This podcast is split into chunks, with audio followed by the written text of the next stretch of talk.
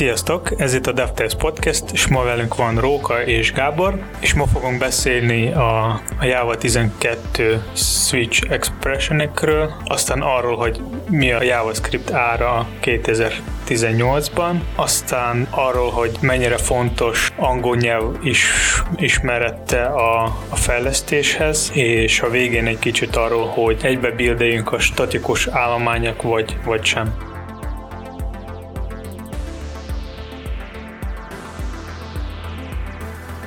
Sziasztok! Én a mai témának a Java 12 Switch expressionjét hoztam. Igazából a téma az, hogy 2019 márciusára van tervezve a Java 12-nek a release és ebbe bele fog kerülni ez a fejlesztés, ami a Switch-et felokosítja. Mennyiben lesz okosabb? A jelenlegi fejlesztés arra készült el, hogy a lambdát is lehet használni már a kézágban, így felsorolható több kézág, és egy lambda utasítás megadható mögé, és nem kell breaket írni a végére. A szintaxisban nem lesz ez kicsit zavaró, hogy Szerintem sokkal kényelmesebb átlátni, hiszen a Java 8 óta használunk lambdákat, és a működés is kényelmesebb olvasásra is, értésre is. Uh-huh. És amit készákban írunk, az ugye most konstans determinisztikus értékkel, hogy legyen. Arra, Jelenleg igen. Arra lehet dinamikus kiértékelésű dolgot használni? A fejlesztésnek a egyik függősége volt, hogy a következő változatban lesz egy pattern matching, amivel megoldható lesz, hogy a objektumokra is lehet meccselni, tehát típusokra például. És remélhetőleg ennek a folytatása lesz az, hogy függvényeket is írhatunk a kézágba. Ezzel viszont el fogja veszteni azt a előnyét az elzif-fel szemben, hogy sokkal gyorsabb kód tud generálódni, ugye? Mert ugye, hogyha konstans értékek vannak, akkor akár ugrótáblát is tud belőle generálni a fordító, még hogyha kifejezések vannak, azt, azt rendesen ki kell értékelni, mielőtt megtörténik. Igen, de hogyha konstansokkal akarsz dolgozni, akkor konstansokat továbbra is megadhatsz a kézákban. Uh-huh. Viszont kényelem szempontjából a, például ilyen instance foknál felsorolni akár 10 objektumot, sokkal problémásabb, mint hogyha egy kézákba csak a típusokat soroljuk föl, hogyha kéz integer, akkor fussol le az utána lévő függvény. Uh-huh. Tehát uh, sokkal kevesebb sor lesz.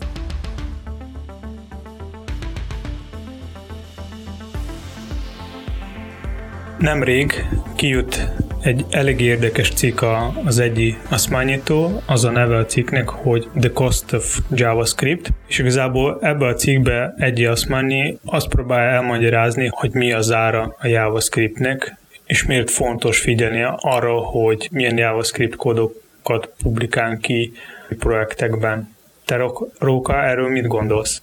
Mire gondolsz, mik vannak ebben a cikkben? Hát például az, hogy 200 kilobyte JavaScriptből ez nem ugyanaz, mint 200 kilobyte például képből, vagy, vagy bármilyen más forrásból. Ja, hogy ezt uh, úgy érti, hogy ez nem tudatos a JavaScript fejlesztőknél? Mert hogy valójában ugye arról van szó, hogy egy uh, 200 kilobájtos képet, hogyha letöltünk, akkor az átkerül a böngészőnek egy olyan részébe, ami utána nem programkódot generál és futtat, hanem csak megjeleníti azokat a bájtokat. Valamilyen, hát ugye a kép algoritmusa szerint dekódolja a képet és kirajzolja. Míg a JavaScriptet, hát az egy rendes programnyelv, tehát azt szintaktikai, szemantikai szempontból ellenőrizni kell, utána lefuttatni, mindezt a képnél abszolút kihagyható. És ugye a JavaScriptben, mivel hogy programnyelvről van szó, ezért tervezhetőek benne ciklusok, amikkel még bőszen meg lehet hosszabbítani ezt az időt, amit a JavaScript azzal tölt, hogy éppen végrehajtódik. És valóban egy 200 kilobájtos JavaScript azért, hogyha úgy van megírva, akkor elég durván el tudja venni a böngészőt. Képpen nem lehet elrongálni ilyen módon a böngészőt, hogy nagyon laggolni kezdene egy 200 kilobájtos képtől.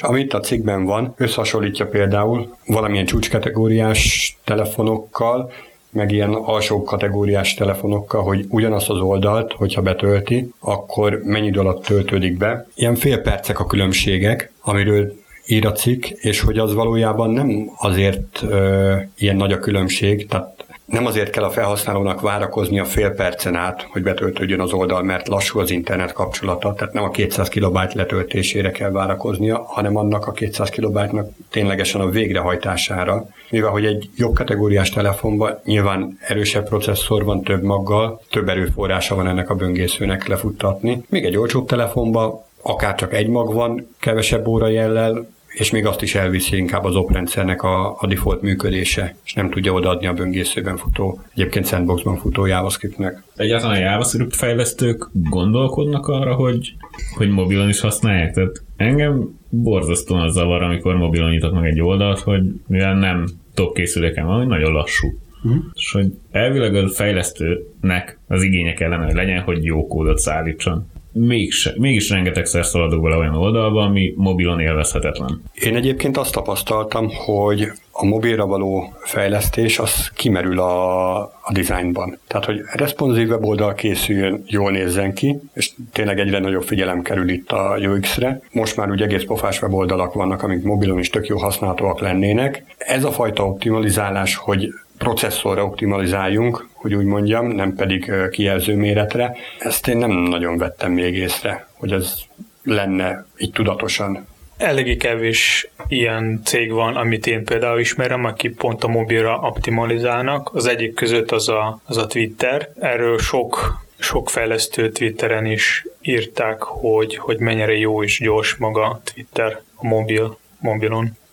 De úgy nem kell feltétlen, hogy mobilra optimalizáljunk, hanem egész egyszerűen egy gyengébb, gyengébb teljesítményű gépre. Nálunk is a fejlesztői laptopok olyan bika erősek, meg olyan hálózaton vagyunk, hogy így észesen veszük azt, hogyha ha esetleg nem olyan minőségű kódot készítünk. Erről ugye a fejlesztőeszközök, ezek a DevToolbárok, meg segítséget nyújtanak, hogy le lehet vele lassítani akár a netsebességet, illetve újabban például Chrome-ba a, a végrehajtási sebességet is, de ugye erre tudatosan kell figyelni. Maga a Google is ebbe irányba megy, mert maga a Google keresőbb és nagyon fontos, hogy optimalizált legyen az oldal, tehát gyors is, meg ők ezen is tesztelnek, és van az a tool, aminek a Lighthouse a neve, ő is a performanciát néz, hogy mennyire gyors, mikor lehet már használni maga az a weboldal is. Viszont az a Lighthouse a hozgépet használja, tehát nem egy lassított gépet. Ugye a network az próbál lassítani, tehát átmegy 3 g hálózati sebességre, viszont a processzort azt, ha jól tudom, nem lassítja. Nem, de szerintem ez is jó próbálkozás, hogy legalább Persze. ilyen szinten is lehet tesztelni. A... Közben megtaláltam Chrome-ban, olyat lehet beállítani CPU-ra, hogy ne legyen lassítás, vagy négyszeres, vagy hatszoros lassítás legyen. Most azért egy bika erős gépen a hatszoros lassítás is akár több erősebb gépet eredményez,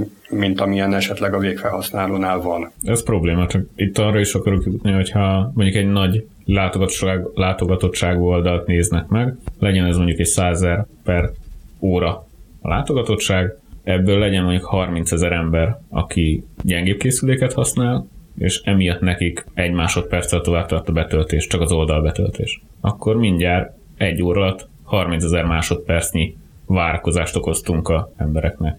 Tehát, hogyha egyszer így végig van gondolva, akkor hogy, hogy nem jutnak arra, hogy már pedig kell, és fontos. Szerintem meg inkább azzal van a probléma, hogy az üzleti oldalról nincs megtámogatva, és hogyha nincs megtámogatva üzleti oldalról, tehát megrendelő szempontjából nem igény az, hogy gyengébb teljesítmény készülékre is lőjünk, akkor, hogyha nincs rá keret, akkor nem fog vele foglalkozni a kutya se. És ennek olyan megrendelő oldalról kell, hogy igény legyen, vagy a fejlesztőnek kell javasolni a megrendelőnek, hogy erre már pedig gondolnod kell. Hát igen, szóval okosak vagyunk, úgyhogy tudjuk vezetni, tudjuk irányítani egy kicsit a megrendelőket, de megerőszakolni nyilván nem lehet. Tehát, hogyha kifejezetten azt mondja, hogy nem igény neki az, hogy valami régebbi kategóriás számítógépen is meg tudja jelenni az ő weboldala, akkor el kell engedni ezt a dolgot. Ez az egyik fele.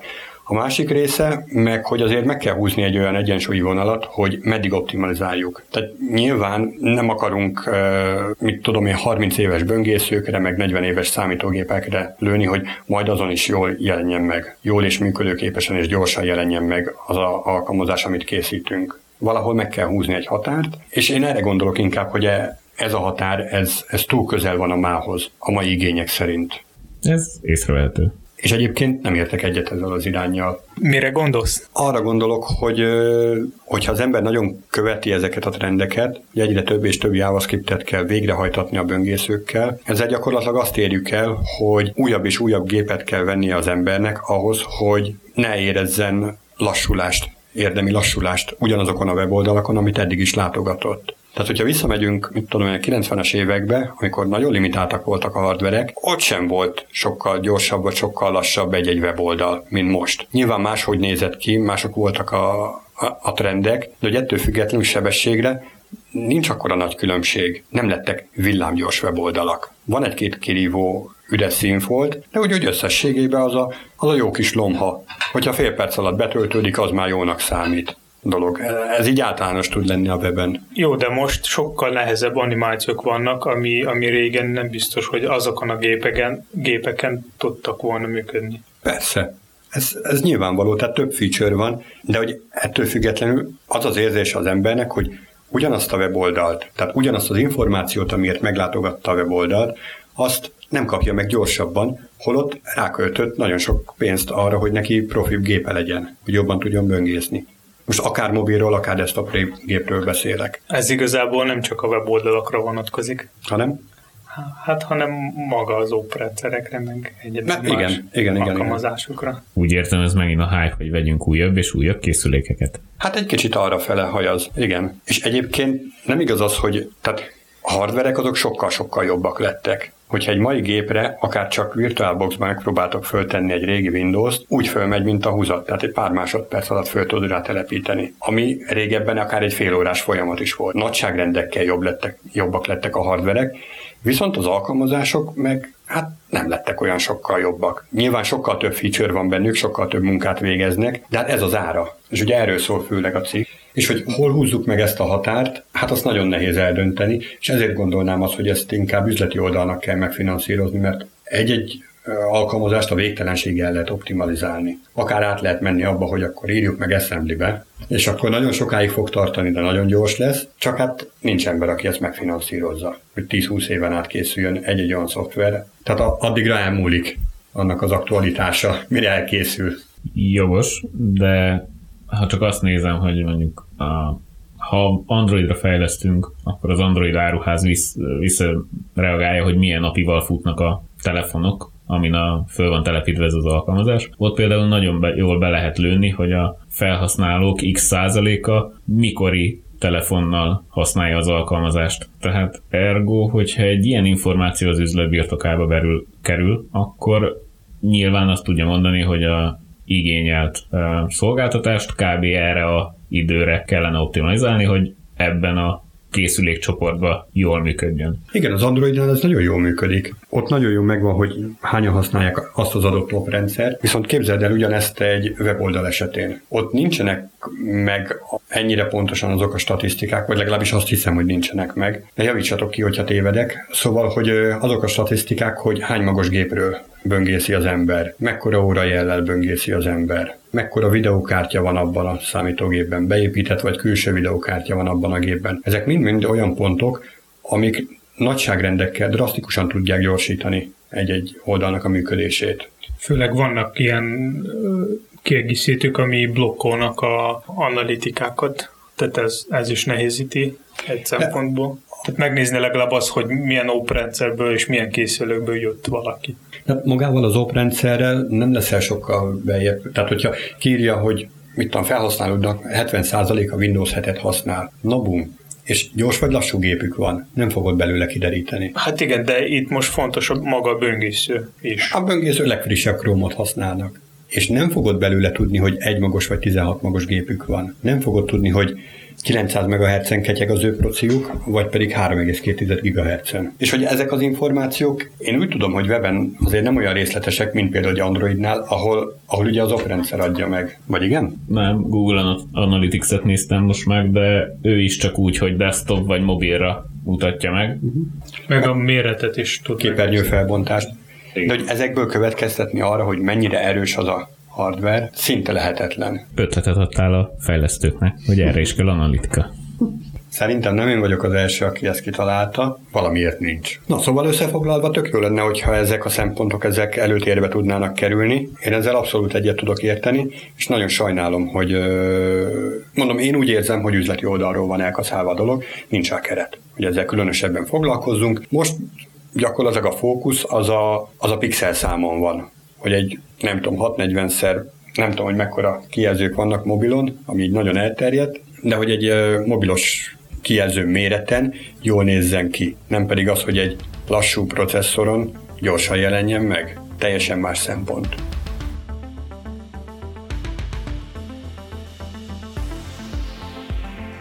Szóval a következő téma az a nyelvtudás. Szerintetek mennyire fontos angol nyelv ismerni ahhoz, hogy lehessen fejleszteni? Vagy... Nem, hát magához a fejlesztéshez szerintem nem kell, de ahhoz, hogy szakmai szinten szakmailag utána tudjunk nézni egy-egy témának, ott azért az angol nyelvismerete az legalább olvasás szinten meg kell, hogy legyen. És nagyon meg tudja könnyíteni, hogyha nem a Google Translate-et kell használnod egy-egy doksihoz. Én valóban szerintem is a szakmai nyelv, vagy szakmai szókészlet, szókincs legyen meg, legyen meg egy igeidő, mert hogy a leírások rendszerint jelen időbe dolgoznak, és ezzel már a képzés elindulhat. Én nem úgy eleinte, tehát egész vaskos könyveket is át tudtam úgy rágni, hogy Hát az igeidők azok nekem annyira nincsenek meg, úgyhogy inkább a forráskódot néztem, és azért el voltam vele. Tehát megtanultam a dolgokat belőle. De ez olyan könyv kellett, ahol a leírást azt, azt forráskódok bőszen segítették. Tehát ilyen esetben tök, tök jól lehetett vele dolgozni. Igen, akkor, hogyha már kevesebb a forráskód, és csak ilyen bőbeszédű magyarázat van, hogy ezt amúgy arra találtuk ki, hogy és akkor ilyen mintaeseteket ír le. Ahogy hiányzik az angol, akkor nem fogod megérteni, hogy, Igen, abszolút. hogy mire, mi a koncepciója ennek a példának, amit ott ír. És CSS-nél? Hát CSS-nél szerintem ott nagyon segít az angol. Igazából maga a CSS nagyon egyszerű, és ott minden CSS szabály ez egy angol szó, tehát hogy amennyire ismered angol, annyira neked egyszerűbb megérteni maga a CSS-t. Egyébként szerintem még azért nagyon fontos uh, tudni angolul beszélni, vagy olvasni, mert a, le, a fejlesztési világban eléggé sokszor kell kommunikálni az open source közösséggel, és ha te szeretnéd valamilyen javaslatot, vagy feature, vagy bármilyen más visszajelzés adni bármilyen open source-os projektnek, akkor, akkor ott inkább csak angolul tudsz megcsinálni. Azért valljuk be, ott sem egy ilyen háború és béke szintű, vagy kontextusú megfogalmazást kell írni, amikor egy uh, hiba bejegyzést teszel egy open source projekten, vagy csak hozzászólsz. Tehát, hogy ott is azért viszonylag az alap szókincs, szókészlet, szókincs elég lesz. Nem biztos, mert lehetnek valami eléggé nehéz esetek, mikor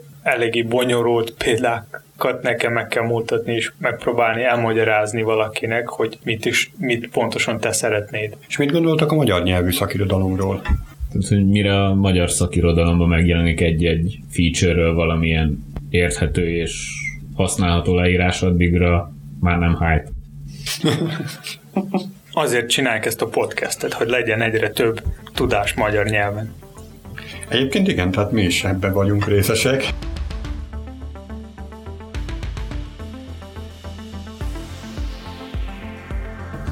Performancia szempontjából hoznak akkor egy újabb témát.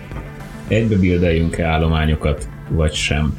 Szóval itt ugye főleg statikus állományokra gondolunk, JavaScript CSS-re. Hát, hogyha mérlegként tekintjük, akkor két oldala van ennek a dolognak. Egyrészt nagyon jó gondolatnak tűnik egy komplet weboldalnak az összes statikus állományát típustól függően egybe például az összes képi elemet egyetlen egy nagy sprite-ba, ugyanígy az összes CSS-t egyetlen egy nagy CSS-be, ugyanígy az összes JavaScript-et egyetlen egy JavaScript-be, hiszen ezzel a látogató pontosan egyszer fogja ezeket letölteni, és hogyha nagyon jól be vannak állítva a cache akkor egy csomó hálózati forgalmat spórolunk neki. De egy kicsit visszakanyarodva az előző-előző témánkra, ahol is arról volt szó, hogy mennyibe is fog kerülni ez, és mennyi ideig fog futni, már közel sem biztos, hogy, hogy ez lesz a legjobb megoldás. Ugye ez a mérlegnek a másik oldala, illetve egy kicsit elkanyarodva itt a mikroszervizek irányába, vagy monolit irányba, azért nagyon nagy kísértést okoz a fejlesztőknek az, hogyha egybe van bildelve minden, akkor, akkor inkább monolit épüljön, mint sem jól elszeparált kis alkalmazások, amiket nagyon könnyű mikroszervizekre szedni. Mit gondoltok ezekről? Monolitot is lehet építeni úgy, hogy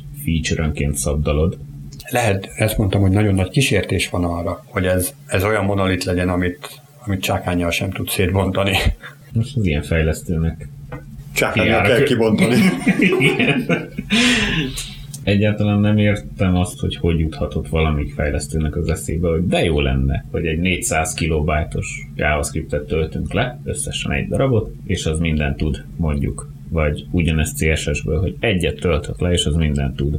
Ugye te szoktad mondani, hogy mobilnettel azért elég erős adatforgalmat tud eredményezni egy-egy weboldal. És most képzel csak el, hogy mondjuk tegyük fel 400 kilobájtnyi JavaScript lejön, meg ugyanennyi CSS, majd 800 kilobájtnál járunk, meg lejön 2 megabájtnyi kép, azt utána böngészed az oldalt, és nem fogy az adatod. Egyáltalán. Azért ez nem olyan rossz lenne, ugye? Ez igen, de hogyha ugyanazon a hoston vagyok, akkor nem kell már letöltenem újra és újra ugyanazokat, vagy ezt nem lehet kesselni?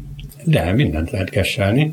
Csak ugye az újabb és újabb HTTP requesteket okoz, és mondjuk egy lassabb mobilnettel egy HTTP kapcsolat felépítése tetemes időt tud igénybe venni. Nem csak maga a bájtoknak a letöltése, hanem még a HTTP kapcsolatot fölépíti. Ugye a HTTPS-ről beszélünk, az elején van egy kis SSL handshake, meg DNS lookup. Oké, okay, most arra gondolok, hogy mondjuk az OTP hirdeti ezt a gépkocsi nyeremény betétkönyvet, amit havonta egyszer húznak.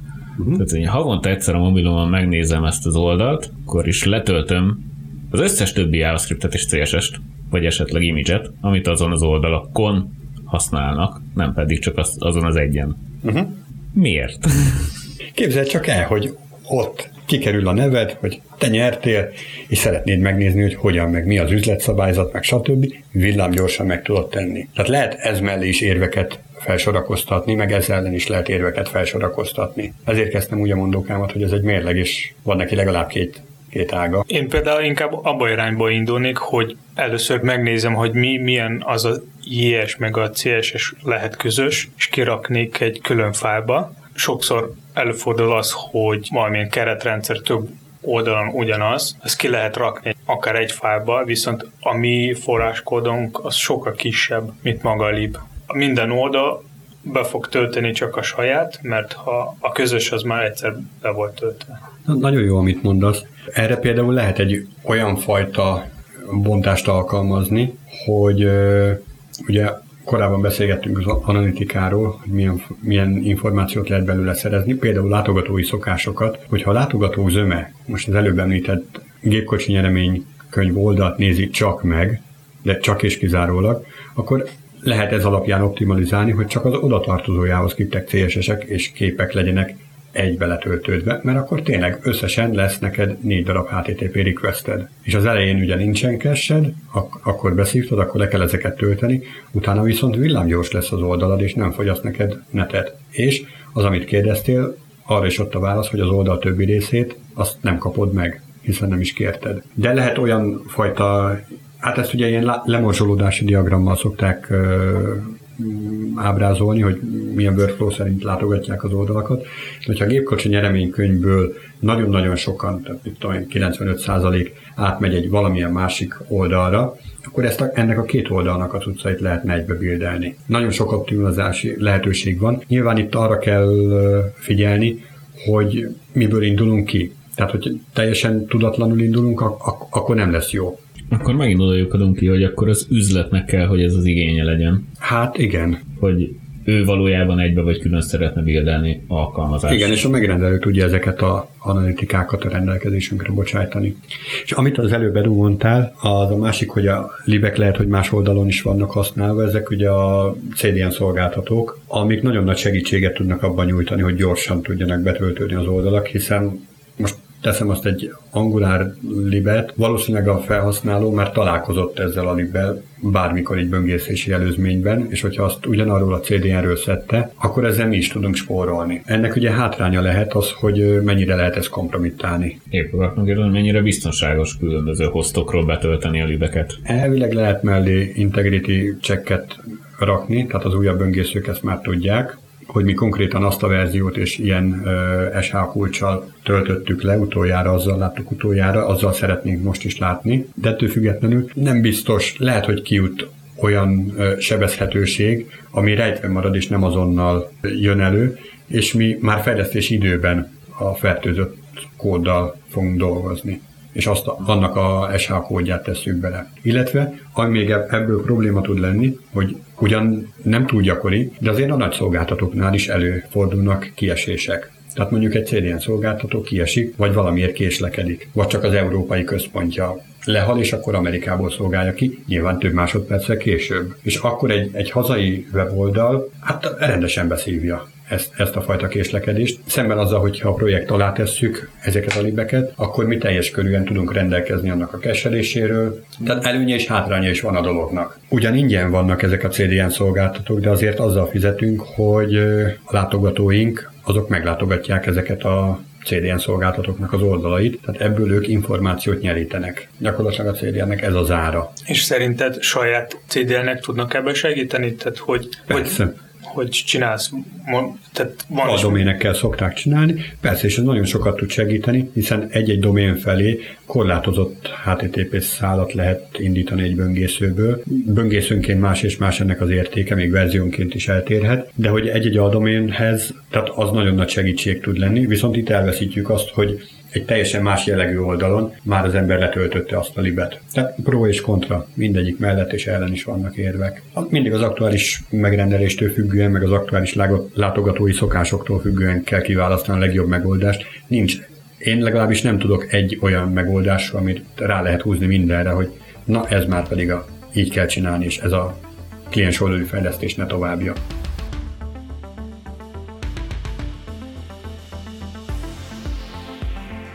Ennyi fér bele a mai podcastbe, kövessetek minket Twitteren és Facebookon, hallgassátok minket legközelebb is. Sziasztok!